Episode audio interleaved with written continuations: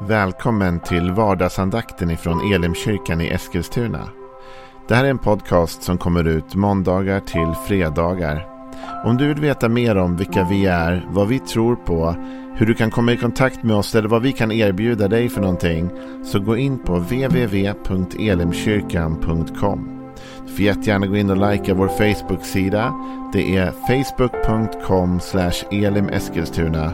Eller så söker du upp oss på YouTube och då söker du på Elimkyrkan Eskilstuna.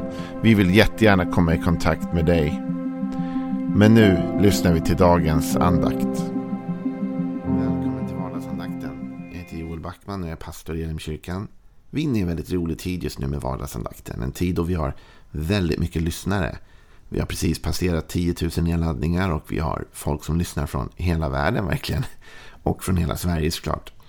Eh, jätteroligt om du vill dela den här podden till så många av dina vänner som möjligt. Så att vi sprider budskapet att det finns en podd där du kan få lyssna till undervisning, där du kan få uppmuntran för din dag och utmanas. Ja, ja, du fattar grejen. Vi är inne i Ordspråksboken och vi har nått fram till det 18 kapitlet. Och här kommer nu några formuleringar som jag tror är väldigt nyttiga för dig och för mig och för oss framförallt. Kanske med betoning på oss. Men jag känner mig tilltalad av den här utmaningen kan man säga. Som kommer här. Och då läser vi från Ordspråksboken det 18 kapitlet och de första två verserna. Enslingen följer sin egen lust. Han går till storms mot all sund insikt. Dåren frågar inte efter förstånd. Han vill bara uttrycka sina tankar. Ja, det här är ett budskap som går lite grann stick i stäv, kanske med en del av den kultur vi lever i just nu. Den individualistiska kulturen. Och förstå mig rätt, vi är ju individer. Och vårt samhälle bygger ju på individer också, eller hur? Och Gud har skapat varje människa unik. Så det är inte fel att du är unik. Och det är inte fel att du är liksom skapad på ett visst sätt och att du har vissa karaktärsdrag, att du gärna vill vara på ett visst sätt. Det är inget fel med det individualistiska på det sättet.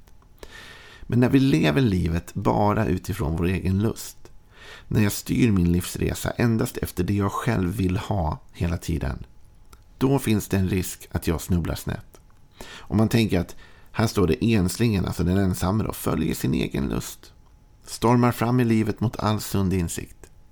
Du vet, när vi bara har fokus på vad jag vill, vad jag har rätt till, vad jag tycker, vad jag tänker, vad jag ska, vad jag känner. Allting är centrerat kring bara mig. Det är faktiskt lite av ett recept på en katastrof. Det är nyttigt att ha människor runt omkring sig. Vi behöver andra människor. Till och med det första som Gud säger när han har skapat Adam och satt Adam i den här fantastiska skapelsen, den här underbara trädgård. Så säger han, det är inte bra för människan att, att han är ensam. Och så skapar Gud Eva och de blir två. Och helt plötsligt blir allting mycket bättre. Du vet, när du och jag är ensamma och bara följer vår egen väg så blir vi lätt lite blinda. Vi tror att vi vandrar rätt, men vi ser inte hela bilden. Jag tänker på det när jag spelar in den här vardagsandaktspodden idag. Att jag har en god vän som bara så sent som igår faktiskt sa till mig så här. Som din vän och som din mentor så säger jag åt dig, gör inte det här. Och så gav han mig ett råd. Och jag vet inte om jag kommer följa det rådet eller inte, det vet man aldrig. Sådär, va? Men jag kommer lyssna på det och jag kommer väga det och jag kommer värdera det. Och jag tänker ändå när jag sitter här, vad lyckligt lottad jag är. Som har människor som kan vara så raka med mig att de vågar säga, jag tycker du, det här är fel väg, jag tycker att det här är inte klokt, jag tycker att det här är ovist. Gör något annat. Och du och jag behöver det för att hålla oss på banan. Jag tror att om jag var utlämnad åt mig själv så skulle det vara ett ganska bedrövligt liv, faktiskt. Jag tror att jag inte skulle reda ut det riktigt bra. Därför jag har så mycket driv i mig själv. Jag känner mig som den här personen som stormar fram i livet. Och då behöver man människor runt omkring sig som ibland säger, hörru, tagga ner lite grann. Tacksam för min fru, mina barn, för vänner, för min församling, för andra människor som kan säga, hörru, ta det lite chill nu. Och kanske är det tvärtom för dig. Kanske är du en sån som inte stormar fram i livet utan som är väldigt försiktig och håller dig i bakgrunden hela tiden. Kanske behöver du några vänner i ditt liv som säger Hörru, steppa upp nu, kom igen, gå fram ett steg. Du kan mer, våga. Vi behöver människor. Kristendomen är inte en individualistisk religion, även om individen har sitt ansvar. Jag kan inte följa Jesus bara i grupp. Jag måste personligen välja att följa honom. Och jag omvänder mig själv till honom. Det är ju lite individualistiskt på ett sätt. Men sen blir jag del av en familj, av en gemenskap. Och resten av mitt liv behöver jag vandra med den familjen, församlingen, med den gemenskapen. Du vet, när Jesus kallar sina lärjungar så kommer han till dem, det står i Matteus återger detta. Till exempel, det är många av evangelisterna, men vi tar Matteus nu. Matteus 4 och vers 18 står det så här. När han, alltså Jesus då, vandrade ut med Galileiska sjön fick han se två bröder. Simon som kallas Petrus och hans bror Andreas. De stod vid sjön och fiskade med kastnät för de var fiskare och han sa till dem Kom och följ mig. Jag ska göra er till människofiskare. Och de lämnade genast sina nät och följde honom. När han gick vidare fick han se två andra bröder, Jakob, Sebedaios son och hans bror Johannes, sitta tillsammans med sin far Sebedaios i båten och göra ordning sina nät. Jesus kallade på dem och genast lämnade de båten och sin far och följde honom. Det är lite intressant. Simon, som då också kallas Petrus, lite senare då av Jesus och blir den första ledaren kan man säga, som Jesus säger ändå utväljer. Simon kallas inte själv, han kallas tillsammans med sin bror Andreas. De kallas samtidigt. Och de kallas att följa något större. Ja, man ska kanske inte lägga för mycket ibland i de här formuleringarna, men låt mig ändå göra det. det står så här, att de stod vid sjön och fiskade med sina kastnät, för de var fiskare. Han sa till dem, kom och följ mig, jag ska göra er till människofiskare. Och de lämnade genast sina nät och följde honom. Så de här bröderna står och fiskar med kastnät. Och de gör det därför texten säger att de är fiskare. Det är vilka de är, det är deras identitet. Men när Jesus kommer till dem så säger han, lämna det där. Och de lämnar sina egna nät, de lämnar sitt eget driv. Alltså de där, det var deras företag. Det var det de jobbade för, drevs för, kämpade för, familjeföretaget. Och de lämnar det för att följa Jesus, för att bli människofiskare istället. Likadant går Jesus vidare då. Va? Jakob och Johannes och han kallar på dem och de lämnar sin båt och de lämnar sin far och de följer. Vet du, du och jag behöver leva för något större än vårt eget. Jag tror det hjälper oss att hålla oss sunda. Jag tror det är gott att inte bara drivas av vad som hela tiden är bäst för mig och vad som hela tiden liksom gynnar mig mest. Jag tror det är gott att ha en större passion att leva för. Jag lever för Guds rike, jag lever för församlingen, jag lever för min familj, jag lever för min fru. Jag lever inte bara för mitt eget driv. Och det håller mig sund. Det gör att jag inte stormar ut i livet bara på mina egna galna idéer hela tiden. Enslingen följer sin egen lust. Han går till storms mot all sund insikt. Med andra ord, man blir sund av att omge sig av andra människor. I Elimkyrkan har vi en bibelskola som heter Bibelskola Tillsammans. Och den heter det just därför att det är tänkt att vara tillsammans. Vi gör den här i samarbete med Bromma folkhögskola, även med Insjön, frikyrkoförsamlingen där. Gå upp på Bromma folkhögskola och kolla deras hemsida så kan du hitta den kursen om du är intresserad av att gå. Det är bara ett halvår under hösten, två dagar i veckan, 50%. Nu pluggade jag det lite snyggt. Men poängen är att den bibelskolan heter Tillsammans därför vi tror inte att kristendomen är en, ett solorace. Vi tror att det är något man gör ihop. Och jag tror att de som är enslingar, de som bara vandrar själva, de stormar ofta fram mot sund insikt. För sen säger Ordspråksboken i det vi läste, dåren frågar inte efter förstånd. Han vill bara uttrycka sina tankar. Alltså han bryr sig inte om att fråga andra människor om råd. Han har bara ett intresse, mitt eget. Vad jag vill säga, vad jag vill tänka. Ibland möter jag människor som säger så här. Ja, men jag har rätt att säga vad jag vill. Ja, du har rätt att säga vad du vill. Men är det alltid sunt och är det alltid bra? Ibland kanske man behöver tänka. Det här tänker, det här tycker jag. Men som vi sa häromdagen på vardagsandakten. Jag håller min tunga, jag vaktar min tunga. Därför jag tror inte att det här är det bästa för alla. Alltså leva med ett större perspektiv än sitt eget. Jesus kallade dem ut. Och Jesus sände dem ut i tjänst två och två. Jesus vid upprepade tillfällen visar dem att hålla ihop. Han säger åt dem att inte lämna Jerusalem utan att stanna där tillsammans. Jesus främjar gemenskapen. I Ordspråksboken, det elfte kapitlet som vi redan har läst en del av, men så står det vidare om detta. Och då står det så här i vers 14. Utan ledarskap går ett rike under, men med många rådgivare kan det räddas.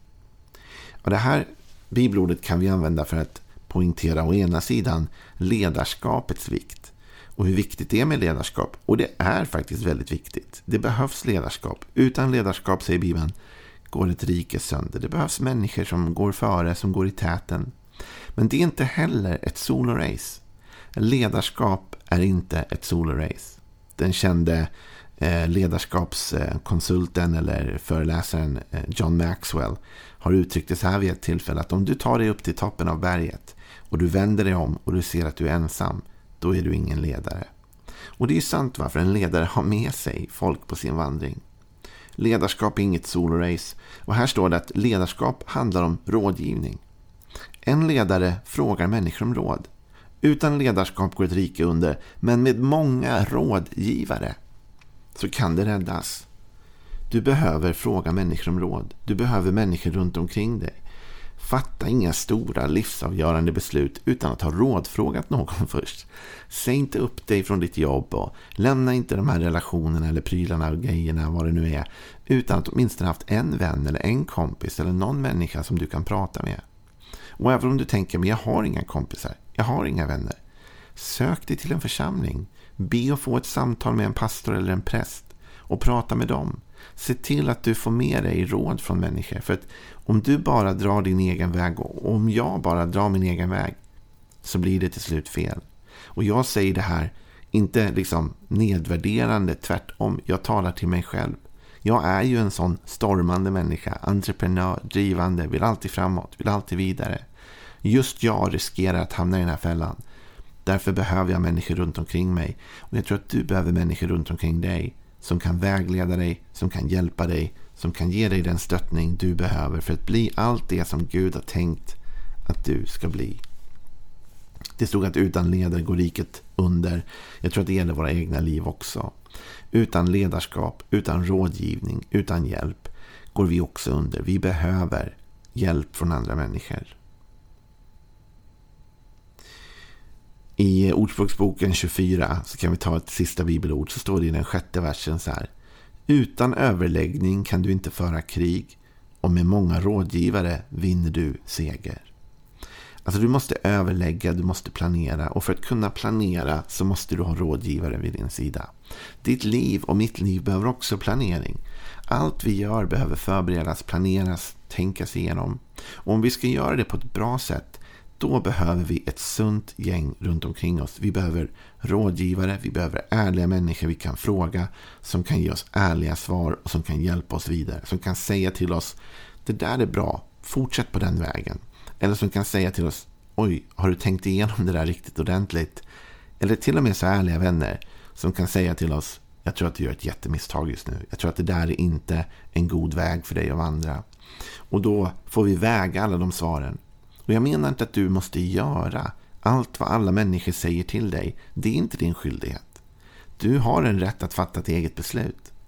Men du borde åtminstone lyssna på vad människorna runt omkring dig säger och väga deras åsikter. Sen, okej, okay, sen kan du välja din egen väg och vandra den. Men då är du i alla fall informerad. Då är du rådgiven. Då är du inte ensam ute och seglar utifrån din egen impuls. Och du bryr dig inte bara om dina egna ord liksom, utan du är beredd att faktiskt lyssna till andra människor. Så vad vill jag ha sagt idag? Jo, jag vill ha sagt detta. Som Ordspråksboken säger att enslingen, den, en, den enskilde människan som bara vandrar sin egen väg, följer sin egen lust. Och han går till storms mot all sund insikt. Var inte en sån. Dåren frågar inte efter förstånd. Han vill bara uttrycka sina egna tankar, har bara fokus på sig själv. Vet du vad, sådana ska inte du och jag vara. Utan vi ska ta, ta del av den underbara rikedom av människor Gud har skapat, eller hur? Det finns människor runt omkring dig i din församling. Grannar, vänner, bekanta, familj, andra. Som du kan rådgöra med och tala med. Gå inte och bär bördorna själv. Försök inte bara staka ut din egen väg. Det är bara dumt. Du kommer längre om du tar råd av andra människor. Om du lyssnar, om du växer. Ha en välsignad dag. Imorgon är vi tillbaka med mer tankar. Då är vi inne redan i det 19 kapitlet av Ordspråksboken. Vi rör oss fort framåt, eller hur? Men det är härligt det med. Ha en välsignad dag. Hej då.